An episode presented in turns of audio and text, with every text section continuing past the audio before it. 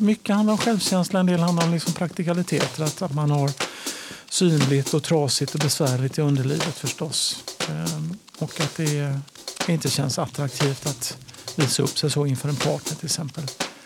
Så det finns ju mycket att jobba med där så att vi behöver ju eh, tänka på det.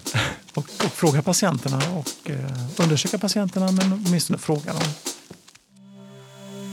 Sex på arbetstid. Sex på arbetstid. Sex på arbetstid. En podd om SRHR för dig som jobbar inom vården.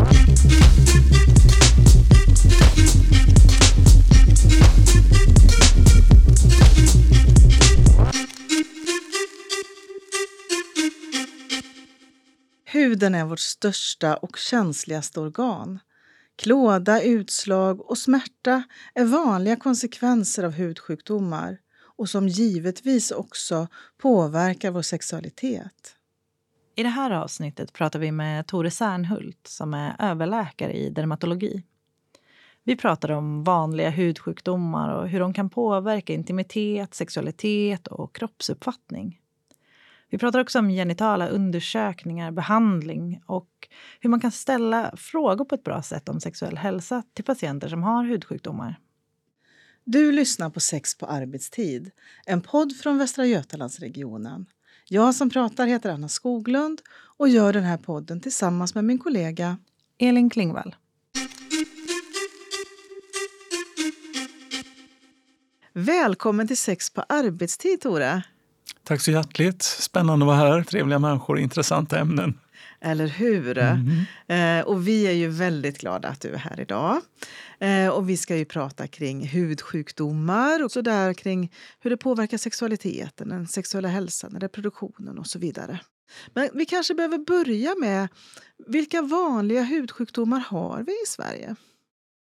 Ska vi ta statistiskt tänker jag att det är, det är, två som helt dominerar. Det ena är en övergående för de flesta akne. Eh, cirka 30 procent har ju så pass uttalad akne att man söker hjälp eller på något sätt hanterar eller behandlar akne. Och en period av tre till sex år oftast i tidiga tonår upp mot sena tonår. Sällsynta fall också i äldre årgångar över 25, framförallt hos kvinnor. Och då är det lite hormonellt eh, kopplat.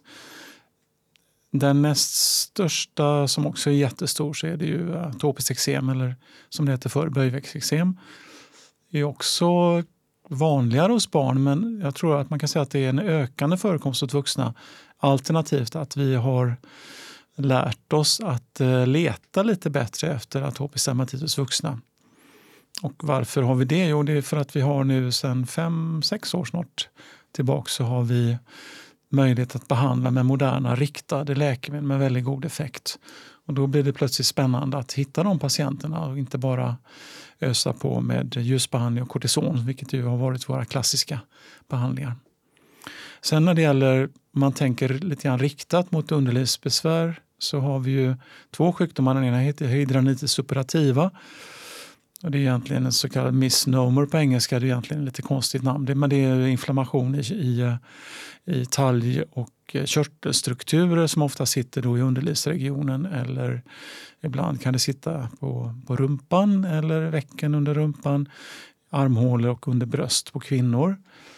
Det är inte helt ovanligt heller. Man vet väl inte exakt hur vanligt det är. Jag tror att det är många som är odiagnostiserade eller feldiagnostiserat, Att man bara kallar det för bölder eller infektioner och så.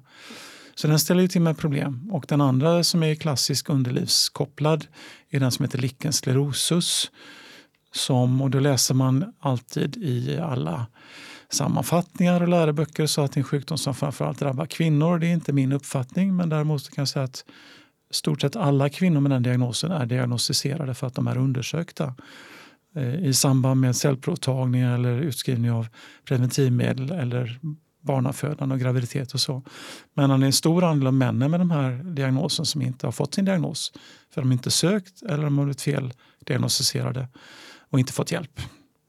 Och sen psoriasis. Eh, en del med psoriasis, en ganska stor andel, kan ha besvär i underlivet och eh, till och med inte själva riktigt förstå att det är psoriasis eftersom det inte ter sig likadant och har varit missat av oss hudläkare fram till rätt så nyss när man har uppmärksammat det här på ett bättre sätt. På vilket vis ter sig psoriasis i underlivet? Ja, det är ju det att man inte har den här typiskt skarpa avgränsade placken som det heter, alltså de här områdena. Och inte heller den här förtjockade grova fjällningen, vita fjällningen eller ja, vitaktiga fjällningen. Utan det blir ofta fuktigt och lite trasigt och lite svullet. Plus att symptomen är ju väldigt mycket tydligare i underlivet med, med smärta, sveda, obehag, klåda också förstås. Lite skillnad mellan män och kvinnor hur man beskriver det men man har väldigt mycket mer symptomatologi än vad man har på en, en fläck som sitter ute kanske på en armbåge eller ett knä eller så. Mm, så att många, ja det, det även patienterna själva tror ju kanske att det, att det är svamp eller att det är eksem i väcken eller att det, att det är trånga kläder eller värme och fukt och svettning eller att man är tjock eller vad det nu är. Och självbehandlar nog ofta och inte ens diskuterar det med sin hudläkare om inte vi aktivt frågar. Eh, och då självbehandlar de säkert med antingen rent svampdödande krämer, då har de ju dålig chans att lyckas vill jag påstå. Det är väldigt sällan det är candida, alltså gästsvamp i de här. Är man lite fiffigare så kanske man då går och köper sig en sån här fotsvampsalva som är kombinerat eh, svampdödande och kortison. Det kan ju lindra då förstås. Sen har vi mycket bättre produkter som man kan förskriva på recept eh, mot den typen av besvär. Hur många skulle du säga lever med en hudsjukdom idag i Sverige? Ja, det var en svår fråga. En intressant fråga. Om man tittar på en vårdcentral, de som söker på en vårdcentral, då brukar man säga att det är någonstans 5-10 procent av, av besökarna på vårdcentral där de åtminstone delvis har ett hudproblem som de tar upp. Om man bara tittar på de som söker för, för hud, hudproblem primärt är det kanske lite lägre då. Men plussar man ihop här nu då, någon procent som har vitiligo, någon som har alopeci, de som har akne en period, de som har olika typer av eksem och klåtillstånd, de som har olika allergiska reaktioner, de som har psoriasis och de andra kroniska lickensjukdomarna, kronisk körtelinflammation och så. så ja, jag skulle inte bli förvånad om man kommer upp till en 30 procent eller en tredjedel faktiskt som har något som behöver hanteras. Ja, I alla fall intermittent, kanske inte över tid hela tiden. då. Hur kan man tänka att en hudsjukdom påverkar liksom människors vardag? Ja, man kan tänka på flera sätt. där. Och en, en väldigt tydlig sak är att det, det till skillnad från ont i magen eller eh, ja, vad ska man ta för diagnos, migrän, så, så syns det på utsidan och, och det leder ju till reaktioner från omgivningen ibland. Och det finns ju pinsamt nog ganska nya data när man tittar på hur patienter med psoriasis, synlig psoriasis kan bli bemötta uttittade eller få tråkiga kommentarer eller till och med bli handgripligen utvisade från badhus eller, eller offentliga inrättningar om de visar sin sjukdom på den här gamla misstanken att det är smittsamt. Så att det är hur man blir bemött men också hur man ser sig själv i spegeln och hur man trivs med sig själv och hur man upplever sin eh, självkänsla och självbild är ju en väldigt stark påverkan. Eh, rent praktiskt handikappade är det ju sällan, alltså med funktionshindrade är det ju inte men det, det hämmar ju många från att göra saker därför att de inte vill visa sin sjukdom. Eller att man då väljer att, att dölja och täcka så att man, man anpassar sig eller man påverkas på det sättet att man anpassar sitt liv efter sjukdomen många gånger. Och det tycker jag är liksom en sån här bra och viktig fråga när man håller på att behandla en patient med en som man tror då välfungerande behandling. Är du nu så bra så att du inte tycker att sjukdomen påverkar ditt liv negativt längre? Är det okej okay att du har en liten torr fläck på ena ankeln? Ja, ja, ja, skrattar de flesta och säger. Det är väl inga problem. Jag kan ju, det här är inget bekymmer. Jag kan göra vad jag vill och det sjukdomen påverkar mig inte längre. Och sen eh, med risk för att man tänker att det här finns en ärftlighet i den här sjukdomen. Det är väldigt många som frågar. Då är det ärftligt med det här och det här och det här? Och hur är det ärftligt? Och vad är risken för mina eventuella barn eller mina barn att bli sjuka? Så påverkar det ju den typen av relationer. Medicinering och behandlingar kan ju påverka också genom att det kan vara en risk framförallt för kvinnor med hudsjukdomar under graviditet. Och det leder ju då till att en del sådana här kroniska svåra hudsjukdomar hos kvinnor gör att de till exempel då inte föder lika många barn som eh, andra kvinnor som inte har diagnosen. Man har tittat på detta, man tittar på påverkan på arbetsliv och fritidsintressen. Man har tittat på eh, livsintjänande lön och eh, utbildningsnivå och sånt där. Och väldigt mycket är negativt av dem när man drabbas tidigt i livet och liksom hela livskurvan, hela livsflödet påverkas på något sätt av det här. Och hela den här biten med inte bara självbild utan också steget värre då, alltså depression och ångest och skam, skamkänsla, att man skäms för sig själv och sitt utseende. Vi pratar om akne, det, att debutera i tonåren, atopiskt eksem vid Mm. barnsålder. Hur är det med de andra? Är det, är det vanligt att det debuterar som barn? Mm. Man brukar säga att eh, de flesta med psoriasis insjuknar när de är mellan 15 och 30. Och tittar man sjukdomen så har den en latens på ungefär 10 till 12 år från det. Så de ligger någonstans runt 40-årsåldern då, i genomsnitt på insjuknande i ledsjukdomen. Men det hindrar inte utan att det finns de som nästan föds med psoriasis. Och tittar man på andelen som har psoriasis i populationen före puberteten så ligger det på ungefär 1 eller knappt 1% i eh, studier som är gjorda i Tyskland och Storbritannien. Så att det finns. Och det gäller ju att få ut detta till primärvårdens folk om inte annat. För de tror ju två saker kan man säga, för lite grovt förenklat. Dels att man inte kan ha psoriasis som barn och dels att man inte kan ha atopiskt eksem som vuxen. Och det är ungefär lika mycket fel bägge två då. Eh, min uppskattning av atopiskt eksem i vuxen ålder är ju att det är cirka 10 procent av populationen. Man brukar säga 3 till 10 procent, men jag säger att det är säkert, säkert 10 procent. Nu jag tillbaks på, nu gick jag från akne till atopiskt eksem. Och då såg jag ganska nyss, man pratade om just atopiskt eksem, eh, pediatric onset of atopic eh, dermatitis eller adult onset. Att det debuterar senare i livet. Man är atopiker, man kanske har haft eh, problem med hösnuva eh, och eh, bi, kronisk bihåleinflammation och luftvägsallergier i, i barn och tonåren. men man får sitt eksem först när man är vuxen och då har man sett att de som har vuxen debut de har ofta ett inte typiskt atopiskt eksem och det blir ju jätteproblematiskt eftersom man måste ha ett typiskt atopiskt eksem för att få diagnosen atopiskt eksem. Det är liksom en av grunderna. Och det andra en av grunderna är att man ska insjukna före två års ålder. Och sen ska man ha en torr hud och, och svår klåda då. Men, men det räcker inte. Och det innebär att de här som har eh, andra typer av eksem i vuxen ålder som är atopiker inte alltid klassas in som atopiskt eksem.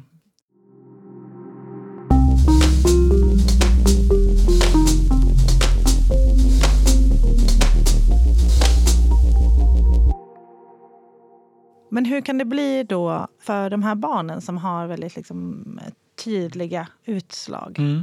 Ja, det, det är ju extremt stigmatiserande för barn och där kan man ju säga att eh, eksem är ju hyfsat vanligt. Sen, om man har svårt eksem som litet barn och till exempel, vilket inte är helt ovanligt, att man har handeksem till exempel, så kan ju det innebära att, att kompisar sånt inte vill hålla eller ta en i handen eller kanske inte komma nära. Man får en, det finns ju någon slags uråldrig känsla kring det här. Den är ju ganska logisk för väldigt historiskt eller långt tillbaka i tiden så var ju väldigt ofta hudsymptom tecken på någon form av smitta eller sjukdom eller parasiter som löss eller skabb eller det kunde vara syfilis eller det kunde vara lepra eller sådana här sjukdomar. Så det, det finns ju liksom en logik i den här eh, reptilhjärnans känsla av att inte vilja komma nära någon som har hudutslag. Va? Och det, det kan man kanske inte styra över men det påverkar ju de barn. De kan ju bli isolerade. De kanske är ingen som vill krama dem, ingen som vill hålla dem i handen och så.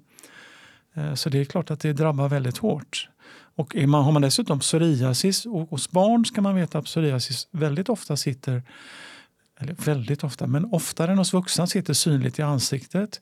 De har ofta besvär i hårbotten när det blir trasigt och sårigt. De har ganska ofta hand och fotpsoriasis som är jättebesvärlig så är det ännu mer stigmatiserande för det ser ju inte riktigt ut som eksem. Så de blir ju, och det är ju så, så pass relativt ovanligt ännu bland barnen så att de blir ju lite unika i sin klass i skolan till exempel eller förskolan. Så att eh, man får ju den här sociala isoleringen lite grann. Och den är ju inte bra för den psykiska hälsan men den är ju också ja, hämmande för, för just både självkänsla och förmåga att, att få till ett, ett bra välfungerande liv eh, senare i, i, under uppväxt och i vuxen ålder då förstås. Mm. Ja, att man förstår verkligen hur viktigt det är att ha stöttande vuxna omkring de här barnen. Mm. Som också kanske kan förklara för andra barn så att det upplevs mindre konstigt. Och, så att det inte blir den här sociala isoleringen som du pratar om. Ja, visst. Och hur kan man tänka kring eh, hur det blir senare i livet med kanske bildandet av mer intima och sexuella relationer för, för de som vill det? Nej, men då tänker jag ju det här att dels antingen har man om man har atopiskt eksem så har man ju det, eller akne så har man ju det ofta när man är barn eller ung. Eh, och eh, har man tidigt psoriasis så är det ju väldigt kinkigt just i den här eh, åldern när man skapar relationer. Så det är ju, många är ju drabbade i den här tonårsperioden, eller sena tonår eller tidiga vuxna. Och då kan jag inte låta bli, att jag måste ju referera till en patient. Det gör jag nästan alltid när jag pratar. Då tänker jag på Viktor som var 18 eller 19 år när jag träffade honom första gången med en väldigt svår psoriasis. Och eh, han fick först prova en av de äldre läkemedlen som heter Metixat. Och det han fick både lite biverkningar och dålig effekt. Och sen fick han ett av de nyare läkemedlen som heter Stellara och blev jättebra. Han blev helt fri. Och då kommer Viktor, den här 19-åriga killen. För det första så har han med sig en, en blomsterkvast till mig. Och det är inte så många unga killar som har de kommer till mig. faktiskt. Och han har köpt den på Ica, så han kommer liksom en Ica-kasse och tar upp en blomma och säger den här ska du ha för du är så bra. Så han, ja, tack säger jag då, lite rörd. Och sen sa han, ja nu har min, min flickvän och jag har vi sovit ihop första gången. Ah. Wow. Mm, Det är det är stort. Ja, Mm. verkligen. verkligen. Så det är klart att det påverkar och möjligheten att kunna hjälpa patienter så är fantastiskt. Och Viktor är fortfarande min patient och eh, välfungerande och i yrkeslivet och relationer och sånt. Så att det, nej men det är klart att det är jätte... Och det, mycket handlar om självkänsla, en del handlar om liksom praktikaliteter. Att, att man har synligt och trasigt och besvärligt i underlivet förstås. Ehm, och att det inte känns attraktivt att visa upp sig så inför en partner till exempel. Så det finns ju mycket att jobba med där så att vi behöver ju eh, tänka på det. Och, och fråga patienterna och eh, undersöka patienterna men åtminstone fråga dem. Och är det minsta tveksamhet så går man ju alltid vidare och kollar gemensamt och ser hur det ser ut. Hur gör man det på ett bra sätt? Jag tänker att som, som hudläkare tänker man är så nära sin patient. Och man är, hur, Ja, men det är man ju. Och är man dessutom då venerolog, ja, det är man Mm. ju, så, så har man ju lärt sig att det inte är så konstigt det där med att vara naken och könsdelar och, och ta prover i urinröret och så. Utan att det, det, det, det, var ju lite knepigt när man var ny ung läkare faktiskt. Men, men det har ju varit nyttigt att träna på detta. Eh, och att man tycker att det är ganska... Eh, jag som läkare, och det tror jag hoppas att jag förmedlar då, att jag tycker det här är absolut inget konstigt för mig. Sen är det ju ändå många killar, de är ju inte vana kanske vid att bli undersökta genitalt, som jag sa för en stund sedan. Då, att tjejer har ju ändå den lite traditionen och förr eller senare hamnar de åtminstone på cellprovtagning och tycker att det är ganska naturligt och ganska tidigt väldigt ofta så går man kanske till ungdomsmottagningen och vill ha p-piller eller och så, då blir man ju undersökt. Men killarna kan tycka att det här har jag inte gjort förut. Och de som drar ner byxorna men inte kalsongerna. Så jag, du får nog ta kalsongerna också. Så att jag får kika ordentligt. Och, och eh, ja, alltså skydda sig ibland med händerna lite. Och så får man säga, men det är inte farligt. Vi tar det lugnt här nu. Så ska vi kika tillsammans och se hur det ser ut. Då. Ja, vad har du för tips när man ska göra såna här undersökningar? Jag tänker att, alltså dels kan det vara det att för patienten, även om, om du som venerolog är bekväm så det kan ju vara många som är väldigt obekväma vet, liksom, vid undersökningar. Och det kan ju vara olika orsaker.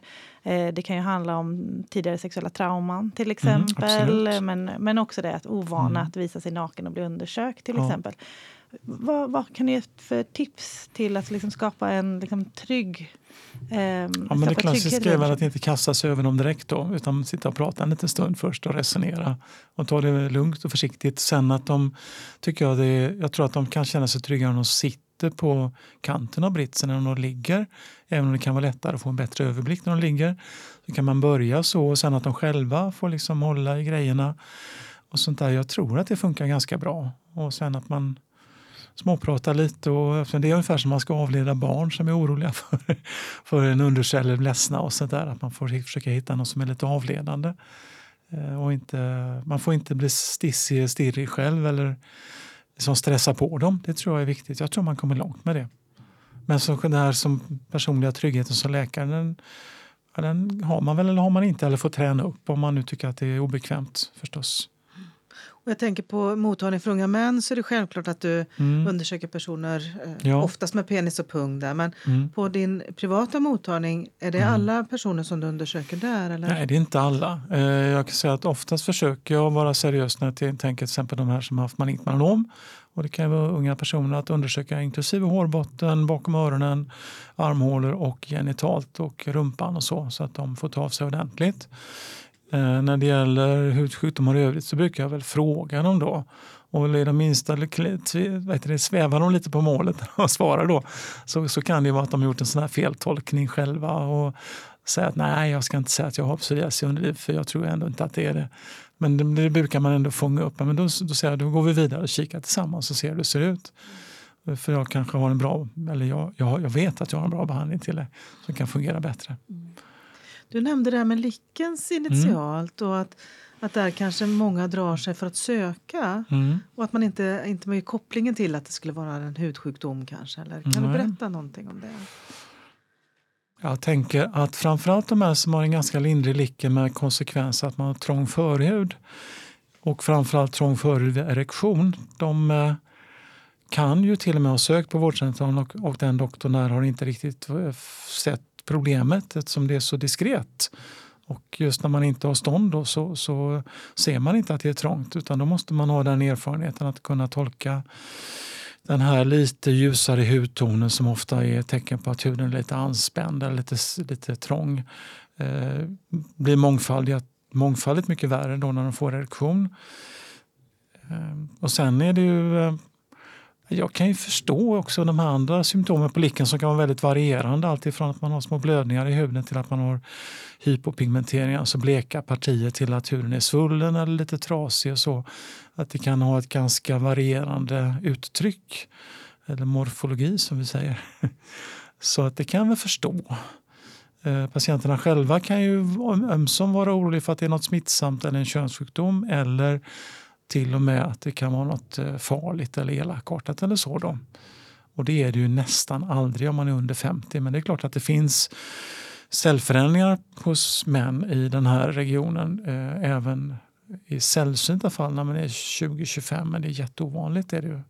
Och utvecklad peniscancer i den åldern är ju, finns ju inte men kan ju finnas ner mot 35-40. Men är det kopplat till Lickens att det liksom innebär en ökad risk? Ja, men det kan ju se lite likadant ut så att ah. blir man tveksam på hur det ser ut och eh, som doktor då tänker jag och, och eh, inte, och framförallt om de då svarar dåligt på behandling man ger med starka kortisonpreparat och så, så ska man ju vara lite på hugget av en biopsi. Annars gör ju inte jag det på licken längre för jag har ju sett så många hundra sådana genom åren. Så jag känner mig väldigt trygg med hela det här spektret av olika varianter och uttryck. Men är man tveksam så ska man ju alltid ta ett vävnadsprov för att se att det inte är någon cellförändring med i bilden. Och sen den andra aspekten är att om, på samma sätt vi pratar om det här med hur påverkar det livet och om man inte får behandling till exempel så, så är det ju så att Tittar man baklänges hos de äldre män, oftast över 70 men ibland lite yngre, som har peniscancer, och det är ungefär drygt 100 individer om året i Sverige, eller långt gångna cellförändringar så finns det varierande siffror, men mellan 30 och 60 procent har ju en samtidig licken eller har en historik, anamnes på tidigare lickendiagnos med i bilden. Då. Så, och, men då brukar jag säga, för en del har ju läst om det här, då brukar jag säga att det där gäller ju de som inte söker i tid och inte får hjälp utan de som får bra behandling och sjukdomssymptomen eh, begränsas eller, eller, eller försvinner med hjälp av en bra behandling så gäller ju inte det att de får ju inte peniscancer bara för att de har haft en licken som har blivit läkt utan det är ju när man inte sköter den och går med kronisk inflammation. Då, då kan licken leda till en cancer senare.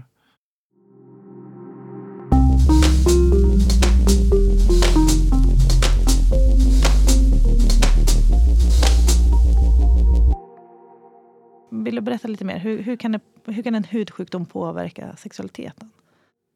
Ja, det kan ju vara direkt smärtsamt och plågsamt och göra ont att ha samlag både för män och kvinnor. Förstås, om man har både licken och eller psoriasis i underlivet. Så det är ju hindrande. Men jag tror att det, det som oftare ställer till problemet är att man, man kanske skäms eller tycker att det är pinsamt eller att det är jobbigt och så. Med att man inte är, är okej, okay, att man inte ser bra ut. Det finns ju en, en slags skönhetsideal även i den här regionen. Hur kan man, hur kan man som vårdpersonal stötta i, i det? Nej, alltså jag brukar prata med killarna om det här med, med, med, att de rakar sig. För en del får ju eh, ganska mycket besvärliga sådana här hårsäcksinflammationer. Och eh, man kan ju också som kille sprida kondylom lite mer om man håller på att traumatisera dem Eh, genom till exempel rakning. Jag brukar säga att du får klippa kort eller köra med en trimmer så att du inte skadar din hud för att du får liksom sår och infektioner och sånt här. Det är ju inte heller särskilt tilltalande förstås i en sexuell relation att man har eh, hudinfektioner eller hudinflammationer. Så det brukar jag resonera kring dem, eller med dem kring. Eh, men inte annars brukar vi inte ta upp så mycket där med utseendefrågorna, om de inte själva. Och det, då är vi mera inne på det här med stor och liten och, och hur det funkar och sånt där. Mm, och också, jag menar, när jag undersöker någon så brukar jag ju tydligt bekräfta att, att det här är ju helt normalt och du har eh, eh ena testikeln hänger längre ner än den andra och så är det ofta. Och de kan vara lite olika stora, bägge helt friska och förväntat välfungerande utifrån när man undersöker dem och allting ser ut som det ska. Så, så tycker jag att jag måste, det har jag skyldighet att säga att det fungerar ser ut att fungera bra, allting ser bra ut och så förstås. Både ur ett hälsoperspektiv men också sexologiskt. Då, att det inte är något konstigt.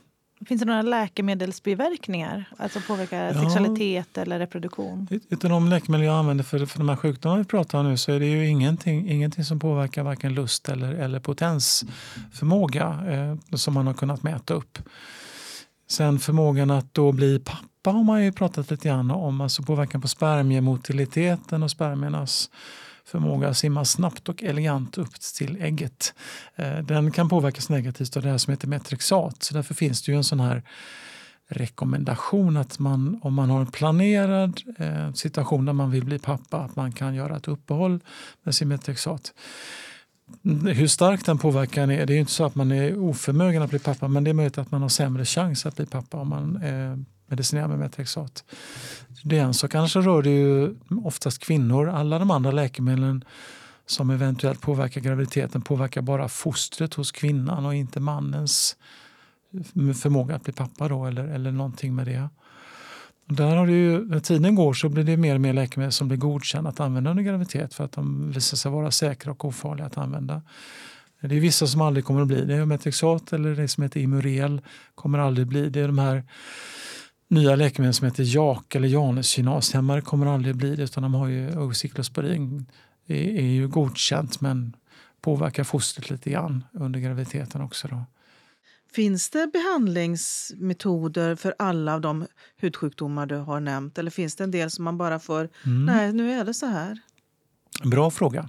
Eh, eksem och psoriasis, jättebra alternativ idag. Trygga, säkra, effektiva läker de flesta så att de blir nästan bra eller helt bra och kan i bästa fall glömma av att de har en hudsjukdom och leva ett helt normalt välfungerande liv. Lickensjukdomarna knepigare. Vi väntar in. Jag tror ju att om fem år kommer de att ha nått dit där eksemen är idag. Hidranitis suppurativa pågår jättemycket forskning. Det finns flera steg av behandlingar, alltifrån bredspektrum antibiotika under lång tid till faktiskt de här retinoiderna som vi använder för psoriasis och akne och en del av de biologiska läkemedlen. Men det är liksom ingen riktig hit där. Det är inte så här, om man använder detta så har du 90% chans att bli helt bra. Det finns, där är vi inte med hydronitis operativa. Och lickensjukdomarna det är sagt var, man tittar på bland annat de här Januskinaserna då, som vi använder mot eh, ledgångsreumatism, mot psoriasis artrit, mot ulcerös kolit, mot eh, atopiskt eksem. Och där tror jag att man kommer att leta fram och hitta varianter. Och det finns en massa, alltså forskningen är så otroligt spännande. Jag vet inte om ni har noterat det, men alltså sjukdomar som till exempel migrän eller höga blodfetter kan numera behandlas med antikroppar i sprutor. Jag är helt fascinerad. Och det finns så konstiga läkemedel som man aldrig hört talas om. Så det låter ganska hoppfullt att det Absolut. händer mycket på läkemedelsfronten mm. som man också kan ge, liksom, mm. ge hopp om förändring till, sina, mm. till dina patienter. Det gör det. Problemet med nästan alla nya läkemedel är att de är dyra eller mycket dyra. Inte att de är overksamma eller farliga. Så det är det som är en liten hake. Och då får man eh, försöka hitta de patienter som har bäst nytta av de nya läkemedlen och så får man också se fram emot patentutgångar. Vi har ju glädjen att ha i stort sett alla de här första läkemedlen mot psoriasis har ju patenten gått ut på. De som kom mellan 2003 och 2007. Och i första kvartalet nästa år går patentet ut på det som heter Stellara då, som ofta brukar landa på någonstans mellan 70 och 90 procent billigare. Och då blir det plötsligt eh, ganska relativt sett små pengar för mycket, mycket nytta.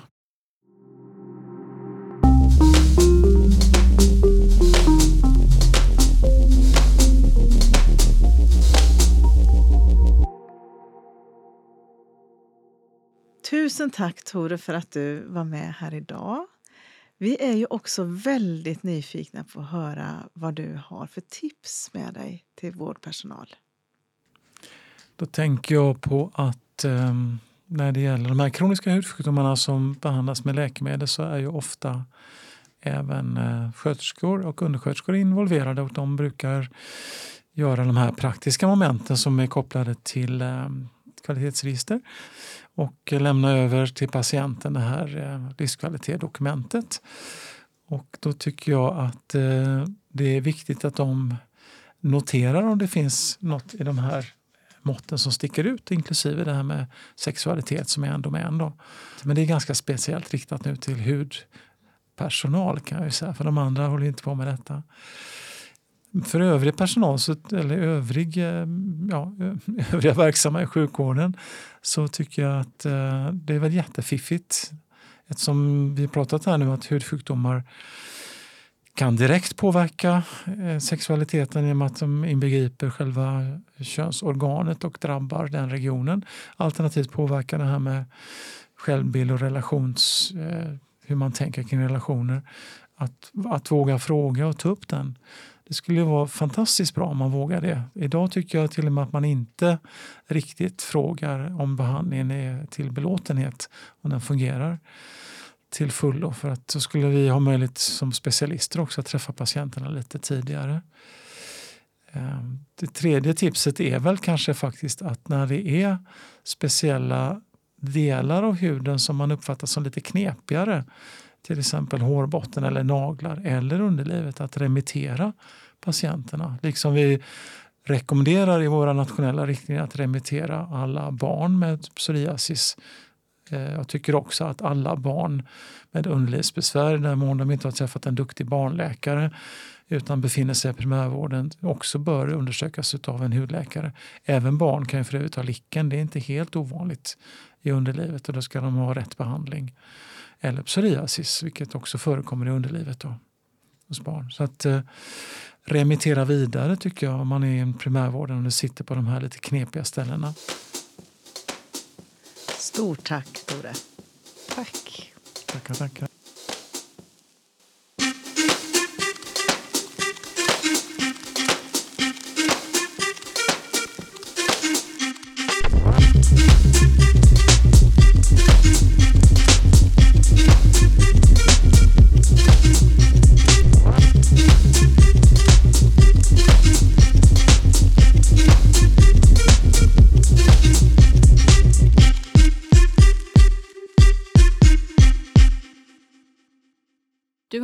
Sex på arbetstid, en podd som görs av Kunskapscentrum för sexuell hälsa, en del av Västra Götalandsregionen. Producent var Elin Klingvall.